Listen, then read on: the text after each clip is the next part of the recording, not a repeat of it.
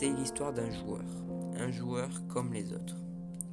Il a acheté un jeu pour s'amuser, entre autres, mais il n'y parvenait pas à cause des adversaires, à cause des alliés et des teams au sticker. Il s'énerva face aux armes abusées.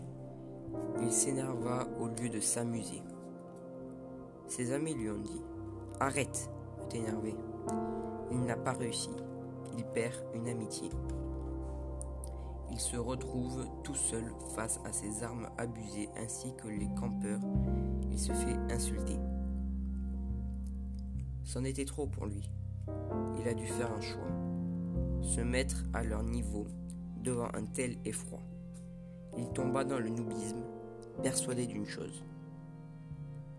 Impossible d'arrêter. Il lui fallait sa dose. Dès qu'il tuait quelqu'un, qu'il l'entendait, qui gueule, ça ne le faisait pas rire. Il se sentait moins seul. Un beau jour, du mois de juin, quelque chose l'attendait. Une rencontre de taille. Il n'aurait pu y penser. C'était moi, Paul. La partie commença.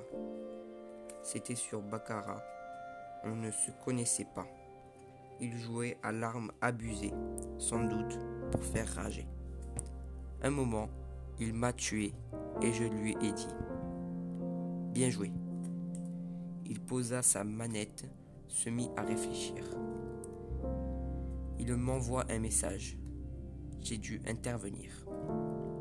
Je lui ai donné mon Discord pour expulser sa rage.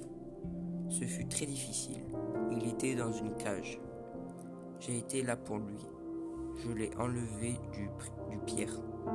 Maintenant, il joue pour le plaisir.